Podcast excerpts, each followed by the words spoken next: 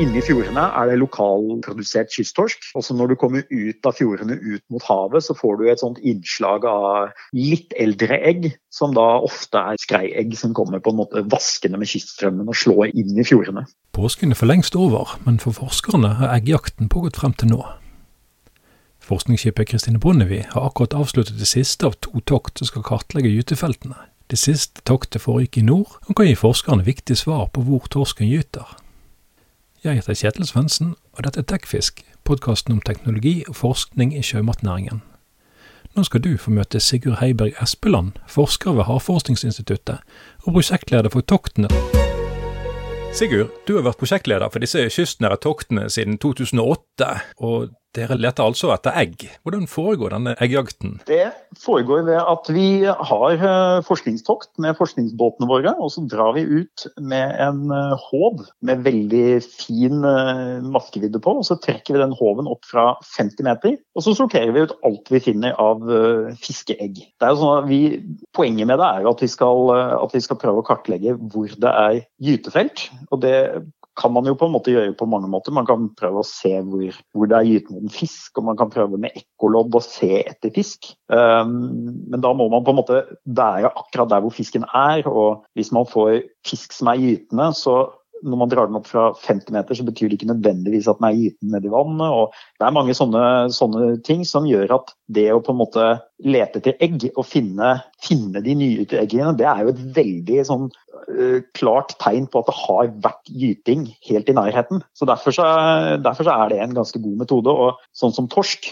gyter jo uh, en halv million egg per kilo kroppsvekt. Så selv om havet er stort og håven er liten, så der det er mye gyting, der får vi de, de nyete eggene i, i den håven. Dere henter de opp fra 50 meter. Hvorfor akkurat 50 meter? Nei, fordi tyngden på disse eggene det, uh, veldig, mange, veldig, mange, fisk har, slipper egg fritt ut i vannmassene, sånn at eggene skal drive rundt og utvikle seg og ikke bli liggende og synke ned i noe dumme dyptvann og sånt noe. Uh, og det er jo tyngden på egget som bestemmer hvor i vannmassene egget blir liggende. I saltvann så er jo eh, vann som er veldig salt, er jo tyngre, og ferskvann blir lett liggende på toppen. og Da blir det ofte sånne, sånne sjikt hvor tettheten til vannet endrer seg ganske brått over få meter. Eh, og hvis fisken da har et egg som på en måte er tilsvarende eh, den tyngden, så blir, det, så blir det ofte egget liggende i, den, eh, i overgangen der. Da. Sånn at eh, de aller fleste fiskeeggene vi leter etter, de ligger i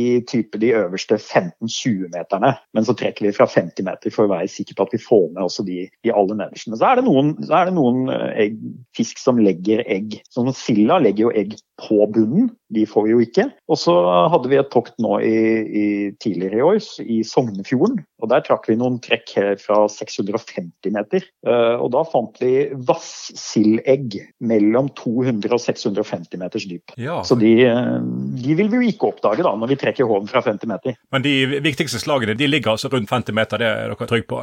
Ja, Vi får et godt bilde av hvor eggene er når vi trekker fra 50 meter opp. Og Det er jo også litt, det er også litt pga. logistikkhensyn. Vi skal jo trekke håven opp. For å ikke skyve vannet foran oss når vi trekker håven opp, så må vi trekke den med en halv meter per sekund. Og Det betyr at skal vi trekke en håv fra, fra 650 meter, så tar det 40 minutter. Uh, og da hadde vi rukket veldig få trekk på den der tiden vi har tokt. Så vi vil helst prøve å være innom på en måte så mange steder som mulig og få så mange håptrekk som mulig for å få et godt på en måte geografisk bilde. da av hvor det er egg. Men Når dere har heist eh, disse eggene opp fra 50 meter og de er kommet på dekk, hva skjer videre? Nei, Da, vi jo, da har vi jo en sånn kopp i enden av, i enden av håven, så vi på en måte spyler håven. Og så får vi samla alt, alt det som var i den søylen med vann fra 50 meter opp, får vi samlet i den koppen. Og så går vi inn på en vannlab vi har om bord, og så spyler vi da innholdet over i noen små glass. Og så heller vi det ut uh, i, i noen sånne gjennomsiktige glassrenner. Og så vi, har vi da eh, egne taksonomieksperter som sitter og ser og plukker ut. Da må vi først, må vi først uh, plukke egg bort fra alt mulig annet. Vi får jo små hoppekreps, og vi får rur, larver og små maneter og alt mulig. Uh, men da plukker vi ut alle disse fiskeeggene. Og så har vi da taksonomieksperter som sitter og måler størrelsen på eggene og ser på farge for å prøve å finne ut hvilke arter dette er. Og Så tar vi bilde av alle eggene vi finner, sånn at vi har de til så vi har en sånn dokumentasjon. Og så legger vi de på sprit, sånn at vi kan uh, gjøre genetiske undersøkelser av de senere. Det tar vel en viss tid å bli trygg på hva egg som er hvilken art? Ja, det er, noen, det er, jo noen, arter som uh, på en måte er lett å kjenne igjen, som man uh, ikke tar feil av. Uh, og så er det noen arter som selv eksperter ikke kan klare å kjenne igjen. og sånn som torskefiskene, der er det jo sånn som torsk og hyse. de er jo helt samme størrelse, og når de er helt nyete, så er de jo bare en glassklar, rund kule med, med noen få celler i midten, og det er det ingen som kan se forskjell på. Så da må vi, hvis vi skal se forskjell på torsk og hyse, så må vi ta de, i, ta de over på genetikklaben vår, og så må vi hente ut DNA og så må vi begynne å, å se, om, se om vi kan skille de der. Er det noe visuell forskjell mellom eh, skrei og kysttorsk? Nei, det er det heller ikke. Så de er også, de er også helt like. Eh, det er jo litt forskjellig, litt forskjellig størrelsen på eggene. Torske, torskeegg er ofte, oftest da, mellom 1,2 og 1,5 mm. Men noen ganger så ser vi i noen områder så ser vi at på en måte eh, noen, at de aller fleste eggene er på en måte kanskje 1,21 mm, og så er det noen egg som er 1,45 og da kan jo det på en måte, det kan være at de er på en måte fra to forskjellige grupper, grupper torsk. da. Jeg forstår det sånn at uh, fisk er litt som uh, nordmenn flest, at det er langt til neste fjord, og de nabofjordene er litt uh, annerledes. og Det er en sånn genetisk særegenhet som oppstår. Ja, og det er jo på, på, en måte, Torsken er jo en art som vi har jobbet mye med i Norge, og på en måte illustrerer det. For der har vi jo på en måte skreien som er godt kjent som gyter i Lofoten. og Der er det jo mye strøm, og eggene driver opp i Barentshavet og klekker til larver. og De svømmer, de svømmer på en måte over, opp til Svalbard for å spise, og de har et ganske sånn stort, uh, stort område de lever på. Og egentlig ikke så veldig mye uh, egentlig ikke så mye hindringer i veien. Men hvis du er en, du er en torsk og lever innerst i på en måte Sognefjorden eller, eller Balsfjorden i Troms, da er det veldig langt til neste fjord. For da må du på en måte, du må svømme riktig vei, og du må ut av fjorden. og Sånn som Sognefjorden, der er det jo, er det jo uh, eh, 1300 meter dypt og stupbratte vegger på sidene. Så du har på en måte, du må svømme over et dyp hav for å komme ut av fjorden. Uh, og da blir, det, da blir, det, ofte til at den fisken som er inne i fjordene, den blir værende inne i fjordene. Uh, og der er det jo ofte også sånn at, at uh, havstrømmer og, og, sånn, de eggene som blir gitt der inne, de blir også holdt tilbake inne i fjordene. og Da får du en sånn situasjon hvor, hvor på en måte fisken lever der hele livet, gyter, barna vokser opp på samme sted, og så går det sånn. Og så blir det på en måte nesten som lakseelver.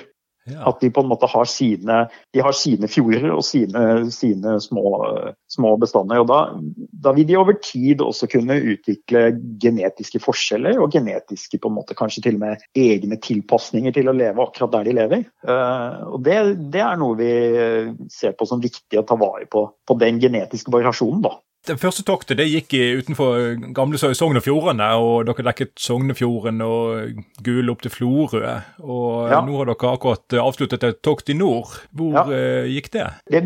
Det toktet i Troms det begynte ved, den gamle grensa mot uh, Finnmark. ved, ved vi begynte jo med dette da de, vi hadde de gamle fylkene, så vi holder litt på de, de samme områdene. Så vi, Det begynte omtrent ved eh, Lopphavet og, og gikk eh, inn i fjordene sørover og avsluttet i, i Harstad. Så da tok vi vel en uh, 300 nei, nei, det var flere. I, I, Troms så var det vel en 600-700 stasjoner nesten som vi var, eh, var, innom. Så vi prøver på en måte å, å eh, Vi prøver jo å legge og ta prøver både der vi vet det er gytefelt og på steder hvor det ikke er gytefelt. For hvis vi bare går på gytefelt og finner på en måte 50 egg, så vet vi ikke egentlig om det er mye eller lite. Hvis vi, hvis vi, på, hvis vi da går på et gytefelt og finner 50 egg, og så går vi ut av gytefeltet og finner 40 egg, så er det ikke så veldig, så er det ikke så veldig stor forskjell. Men hvis vi da finner null der det ikke er gytefelt, da er jo 50 mye. Så Derfor så prøver vi å på en måte legge stasjonene litt sånn uh, i et sånt rutenett i, i, indre deler av kysten, for å få på en måte et, godt bilde av hva er det som er, hvor er det det er mye egg, hvor er det det er lite egg. Har dere sett noe ekstraordinært på tokten i år? Eh, nei, vi finner jo alltids noen sånne, noen sånne litt uh, egg som vi, som vi, ikke helt uh, vet hva er. Ikke helt, uh, det, er ikke, det, er ikke, alle egg som er på en måte beskrevet heller, og egentlig ikke helt forklart godt hvor, hvordan ser ut. Så vi har, vi har, noen egg som er på en måte vanskelige og ukjente, og noen larver som vi sliter litt med. Men, men vi tar jo vare på det og kan gjøre genetikk. Så, um, men ellers er det, jo på en måte er jo, Vi ser jo ofte de samme mønstrene når vi ser på sånne av de store, altså de viktige artene, sånn som torsk og de andre torskefiskene, så, jo, så finner vi jo sånn som for torsk, så finner vi ofte egg, eh, en del egg inni fjordene, som er disse her lokale bestandene. Mens oppe i Troms så har du en sånn, sånn uh, todeling. så det er Inni fjordene er det lokal, lokalprodusert kysttorsk. Uh, og så når du kommer ut av fjordene ut mot havet, så får du et sånt innslag av, av litt eldre egg, som da ofte er skrei, skreiegg som kommer på en måte vaskende med kyststrømmen og slår inn i, inn i fjordene. Alt uh, dreier seg selvfølgelig ikke om uh, torsk. det er jo mange andre fiskeslag, rødspett og sandskrubb. ser dere spor av fremmede fiskeslag som trekker nordover? Vi har jo holdt på med dette her siden 2008 og vi har, vi har vært i alle fjorder i hele Norge én runde. Da var målet å kartlegge gytefelt for, for, torsk. Så Det er på en måte den vi har fokusert mest på. Uh, men nå jobber vi jo også med Vi tok jo vare på alle andre egg, så vi driver jo og jobber med, med dette her også. Og, og, vi ser jo, særlig kanskje helst i sør, da, uh, Sørlandet og sånn, så ser, får vi jo innslag av, uh, av eksotiske sørlige arter. Um, mens, mens nordover opp mot Nord-Norge så er det jo på en måte Det er torsk, torskefiskene som dominerer. Og så har vi, vi flyndre, fire flyndrefisker vi ofte får, og det er jo skrubbe, sandflyndre, gapflyndre og rødspette. Så det er på en måte, de, de går veldig ofte igjen. Har det vært noen eh, sånne eksotiske overraskelser eh, i sør eh, opp igjennom? Vi har vel hatt noen sånne det er sånne enkelt, eh, enkelttilfeller. Vi, eh, vi, har vel hatt ansjos. Vi har hatt Ja, vi har hatt noen sånne. Jeg, nå er det et par år siden vi var på Sørlandet. Og nå er det jo ti år siden dere hadde et tilsvarende tokt i nord. Og 2021 var jo et spesielt år for fiskeriene i nord.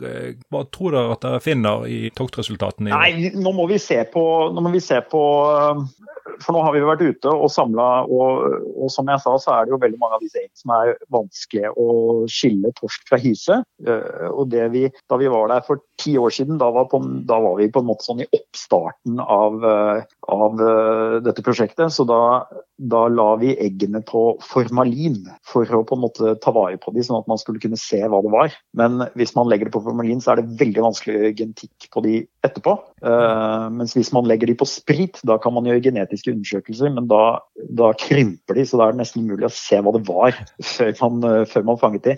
Sånn at vi, Det var en del sånne ting vi gjorde for ti år siden som, som gjorde at vi, vi, kunne ikke skille torsk og hyse og, og, og litt sånt noe. Um, så vi, må se, vi får se nå hva det ender opp med. Vi har jo sett, uh, har jo sett tidligere at, at, noen steder så viser det seg at uh, nesten alt av det vi trodde var torsk, det var hyse. Og så var det ikke torskegytefelt, det var et hysegytefelt i stedet. Men det er også veldig viktig informasjon å, å få med. da.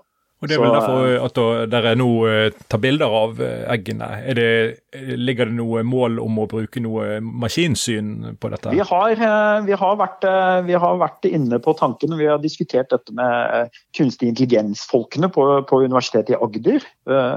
Så vi har, vi har, jo et stort materiale av bilder, og det hadde vært veldig, det hadde vært veldig interessant å teste om en, en kunstig intelligens hadde klart å skille torsk og hyse, f.eks. Når vi vet etterpå genetisk hva det egentlig var for noe. Eh, jeg har ikke, jeg har ikke helt troa, men, eh, men eh, jeg jeg blir veldig glad hvis jeg, blir, hvis jeg, kan bli motbevist i det. For det, man har jo jobbet mye med sånn kunstig intelligens på å gjenkjenne fisker og individgjenkjenne forskjellige typer fisker og sånn, men akkurat på eggene er det, det er veldig få på en måte holdepunkter, veldig få ting å ta tak i. Men det kan hende at selvfølgelig at en, at en kunstig intelligens kan klare å se ting som vi ikke har tenkt på. Har uh, kunstig intelligens-folkene tro på dette? Ja, de hadde troa på det, tror jeg. Men, uh, men jeg vet ikke helt om de er Jeg vet ikke helt om de har sett så mye av bildene på egg og er på en måte helt klar over hvor rike fiskeegg er. Men det er klart at vi har jo også eh, Vi så jo det når vi var ute nå så, og på tokt, og vi finner på en måte eh, egg som ser ut som torskeegg. Men som jeg sa, noen, noen, steder var nesten alle eggene Det var veldig like størrelse, men de var veldig små til å være torsk. Og andre steder så var de veldig like størrelse, men de var veldig store. Eh, så er jo det på en måte Det kan hende at det betyr et eller annet. Vi, tok og, vi har tatt vare på de og tatt, vi har jo bilde av de, så vi, vi, skal teste og kjøre de på genetikk og se om, se om, eh, om, det på en måte henger det sammen med noe art. Og hvis det ikke er, det ikke er artsforskjeller, kanskje det er noe, noe populasjonsforskjeller. Sånne ting. Så det er egentlig Vi har bilde av eh, snart, vil jeg tro, 300 000 egg. Eh, sånn at vi har, vi har for så vidt et ganske stort materiale som vi kunne gå i gang med og prøve å finne ut ting på. da. Dere gjør jo eh, statistikk rett fra fødestuen, eh, for ja. å si det sånn. Og mye henger jo på kysttorsken i fiskeriene. Ja.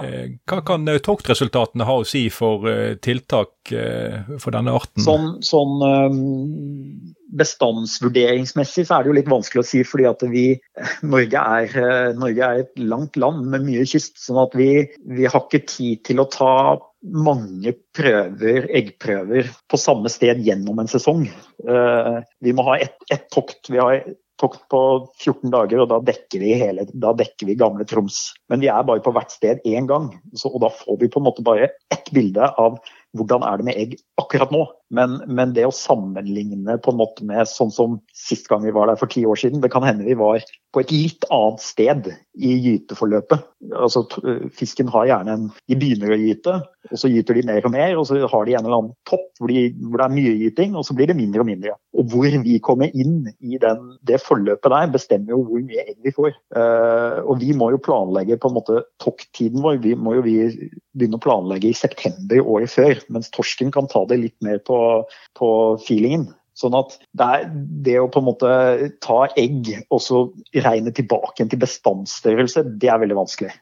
Men, men, eh, det å på en måte få identifisert gytefeltene, eh, sånn at man vet hvor er det det er eh, viktig gyting, og hvor er det eggene driver. Hvor er det som er viktige oppvekstområder. Eh, for det er klart at man kan godt slutte å fiske på en bestand, men hvis man ødelegger gytefeltet og ødelegger oppvekstområdene, så kan den bestanden dø ut uansett.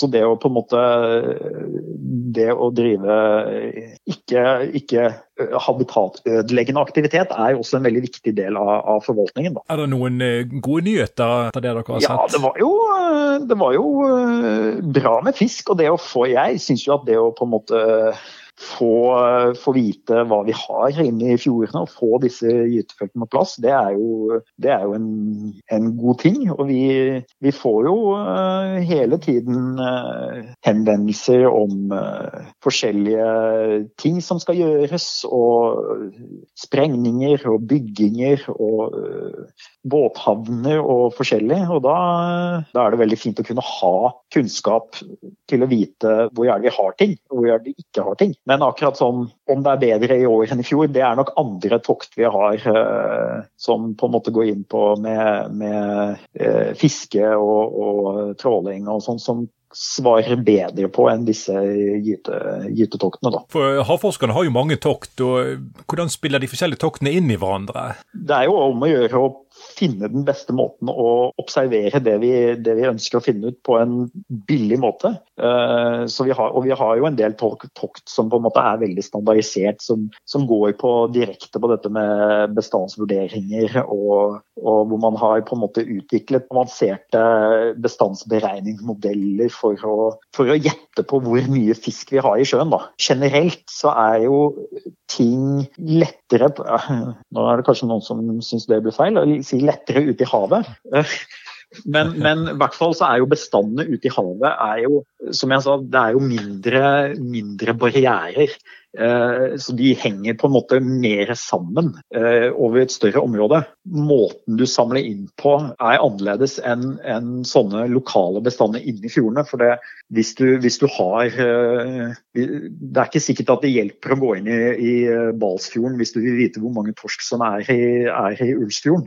Og det, det betyr at du må på en måte kvaliteten til, eller kravet til oppløsning av hvor, hvor, mange prøver du tar, blir, blir, en helt annen inne på kysten. Når dere oppdaterer med nye gytekart, hvilke endringer og tendenser ser, ser dere? Nei, vi har jo, det, Noe av det viktigste er jo på en måte at uh, der vi finner veldig mye egg, der er det på en måte lett å si altså Går vi innom en fjord og det er null egg hele veien, og så plutselig finner vi 120 egg innerst, så er det for så vidt veldig lett å si at det er et gytefelt. Eh, det er mye vanskeligere de stedene hvor du går innover, og så finner du null, og så finner du ett, og så finner du tre.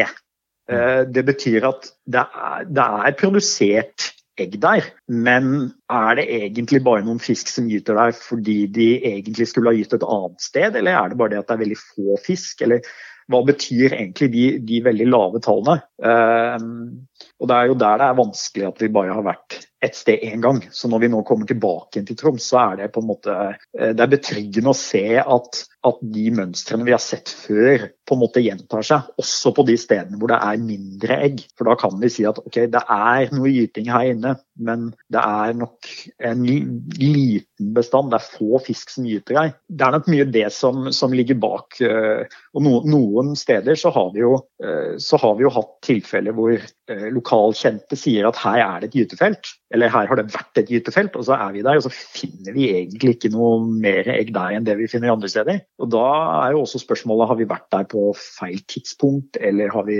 er, det, er, det, så få fisk der at vi ikke klarer på en måte å oppdage, men, men skal, man, skal man restaurere den fiskebestanden og skal den ta seg opp igjen, så er det kanskje Så må man kanskje ikke ødelegge det gytefeltet likevel, da.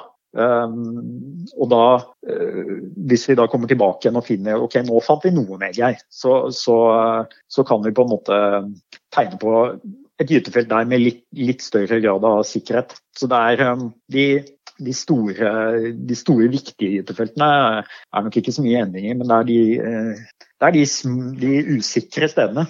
Når dere nå har eh, forskningsskip, eh, det var vel eh, Kristine eh, Bondevis som var eh, nå oppe i nord, eh, ja. inn i fjordene full rigg og mannskap. Er det kun egg dere ser etter, eller har dere noen andre følgere ute?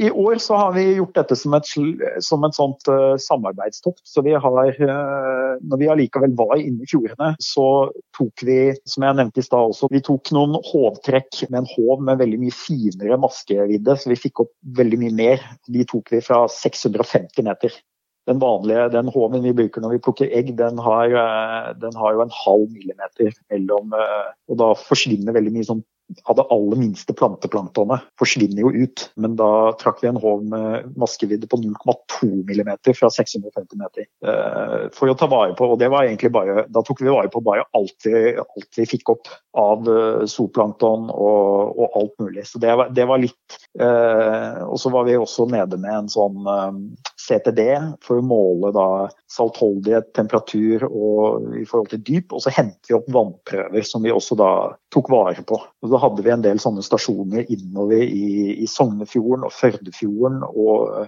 øh, flere av fjordene oppe i Troms. Vi prøvde å på en måte kombinere litt når vi allikevel er inne i fjordene. For det er klart det er en, øh, det er en stor båt å, å, kjøre rundt og, og trekke en håv opp fra 50 meter med. Eggene driver som nevnt øh, med havstrømmen, og dere har jo utstyr til å beregne hvor egg eggene kommer fra? Ja, det er jo eh, Da har vi jo, har vi jo etter flere år så har vi jo på en måte fått eh, utviklet en ganske god sånn uh, fjordmodell som oseanografene våre har, har laget som, som heter ROMS.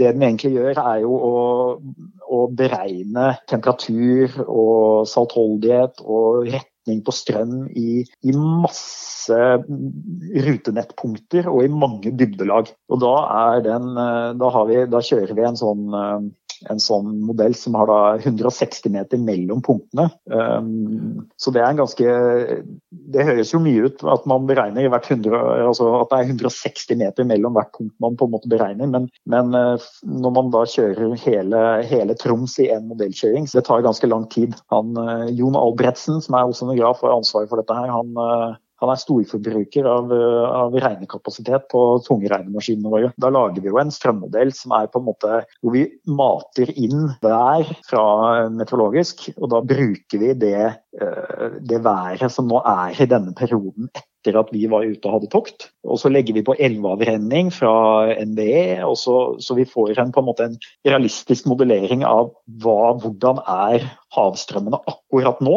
Og så vi og så slipper vi ut egg i den modellen der vi fant egg. Så mange egg som vi fant. Litt oppskalert selvfølgelig, for vi, vi slipper ikke ut tre egg på et sted vi fant tre egg. Vi slipper, ut, vi slipper ut mange tusen for å få litt sånn godt bilde av det. Og så lar vi de på en måte, så ser vi hvordan driver disse eggene i, i 30 dager nå etter, etter at vi var og kartla gytefelt. For det er jo hvor lang tid eggene bruker fra å utvikle seg fra nyete til de klekker. Det er jo avhengig av temperatur, og det kan gå opp i 30 dager. Er 30 dager så langt så dere kan se inn i fremtiden? Nei, vi kan kjøre det lenger òg, men da, da, eh, da, begynner nok svaret å bli ikke helt Da vil nok veldig mange av eggene ha klekket. Og når de klekker, så begynner jo larvene å vokse, og på et tidspunkt så begynner larvene å på en måte ha en del egenbevegelse i forhold til vannmassene som vi ikke ikke på en måte har modellert. da. Sånn at uh, hvis vi skal helt sikkert si hvor eggene blir av til slutt, så, nok, så, måtte vi nok hatt med en del sånne atferdsparametere. Det fins uh, modeller på det òg, men, men, vi har på en måte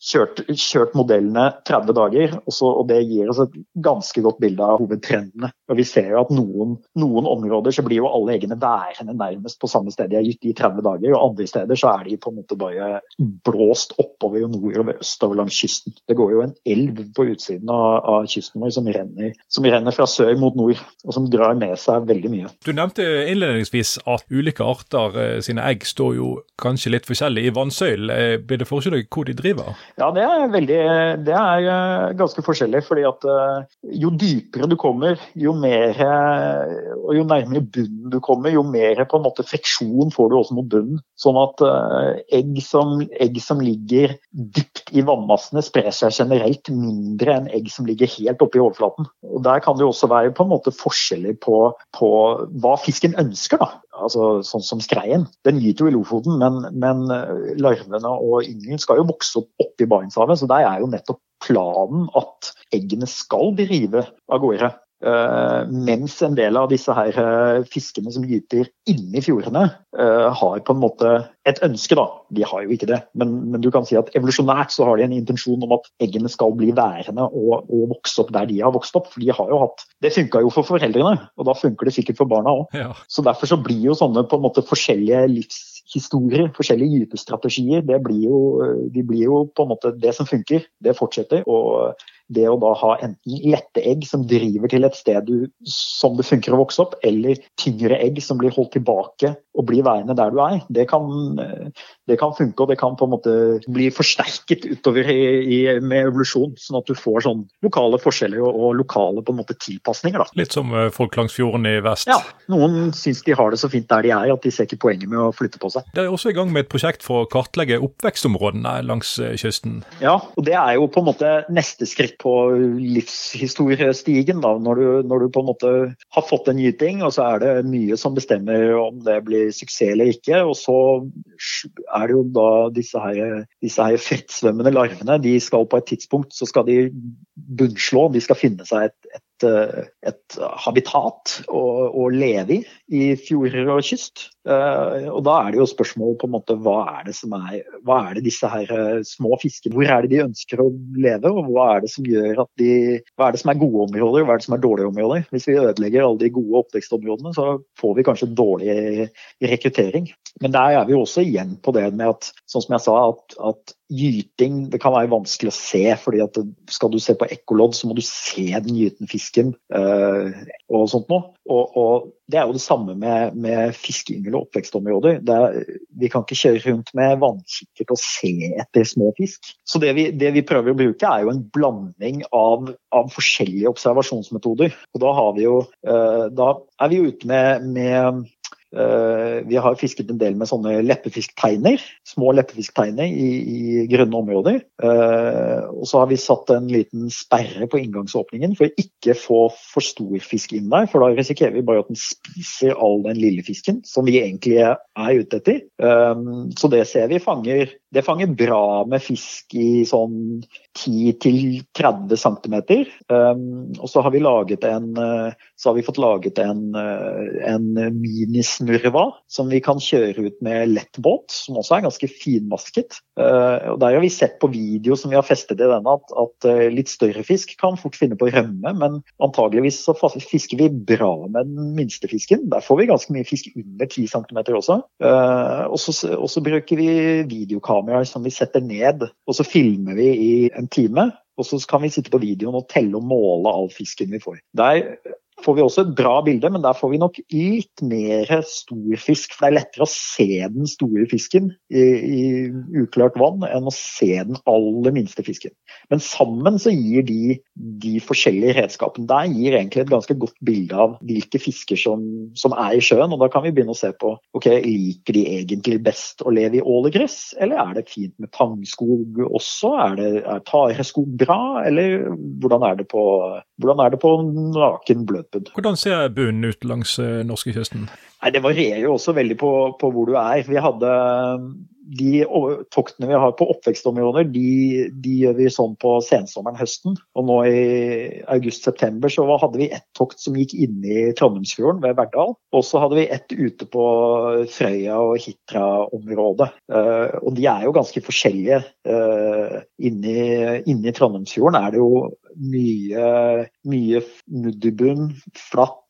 Uh, hvis du er ute på ikke langs på en måte kantene og ikke de stedene hvor det er veldig sånn strømutsatt, så er det, så er det mye mudderbunn. Mens ute på Frøya Hitra, som er mer bølgeeksponert og, og, mer energipåvirket, så har du mer stein, hardbunn, tang, tare og sånne ting. Men begge deler er jo på en måte viktige områder og kan være viktige oppvekstområder. Så det, det er veldig spennende å sammenligne de to. Du kan høre mer på Tekfisk, som du finner på Spotify, iTunes eller der du liker å høre på podkast.